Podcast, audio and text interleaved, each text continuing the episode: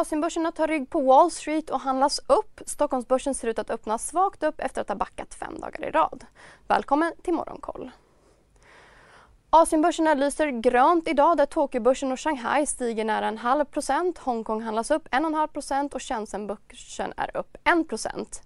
Biltillverkaren Toyota stiger nära 1,5 procent, tv-spelsbolaget Nintendo 1 procent och e-handelsjätten Alibaba är upp 3,5 procent. Det är mycket fokus på centralbankerna den här veckan. På torsdag kommer Bank of Japan med ett räntebesked och frågan är om banken kan tänkas höja från minusnivåer för att stärka yenen som nu är på lägsta nivån på 24 år. Kärninflationen i Japan steg till 2,8% i augusti från samma månad året innan. Det här är den snabbaste ökningen sedan 2014 och något högre än vad bedömare trodde. Vi har också fått in makrostatistik från Kinas centralbank som väntat lämnat sin ettåriga och femåriga referensränta till 3,65 respektive 4,30 procent. Vi går vidare till USA där börserna på Wall Street vände uppåt under måndagen och stängde på plus. Breda S&P 500 var upp 0,7% och tekniktunga Nasdaq avancerade 0,8% Det här i väntan på Feds räntebesked på onsdag där marknaden förväntar sig en höjning med 75 punkter.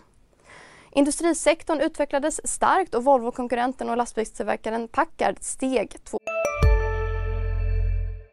Har du också valt att bli egen? Då är det viktigt att skaffa en bra företagsförsäkring. Hos oss är alla småföretag stora och inga frågor för små. Swedeas företagsförsäkring är anpassad för mindre företag och täcker även sånt som din hemförsäkring inte täcker. Gå in på swedea.se företag och jämför själv.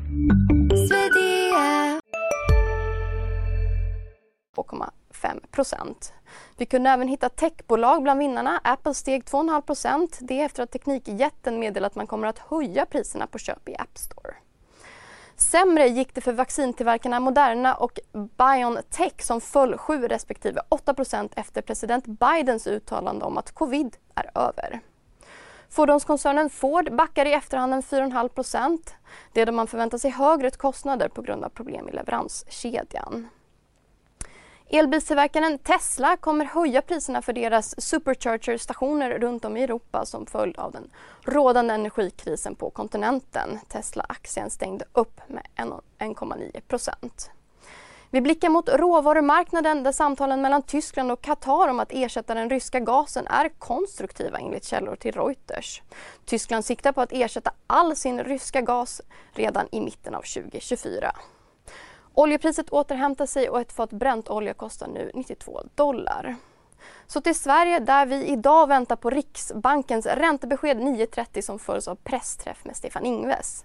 Marknaden förväntar sig en historisk höjning med 75 punkter upp till 1,5 procent. En nivå som vi inte varit på på 10 år. Utöver det här håller Ericsson idag en telefonkonferens om sin nya rapporteringsstruktur. Det här kommer vi att hålla koll på. Missa inte heller Börsmorgon 8.45 eller Börskoll klockan 14. Hej då!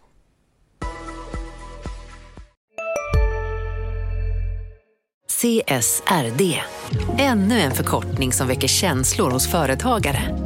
Men lugn, våra rådgivare här på PWC har koll på det som din verksamhet berörs av. Från hållbarhetslösningar och nya regelverk till affärsutveckling och ansvarsfulla AI-strategier. Välkommen till PWC. Hej, Synoptik här.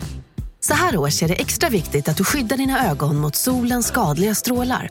Därför får du just nu 50% på ett par solglasögon i din styrka när du köper glasögon hos oss på Synoptik.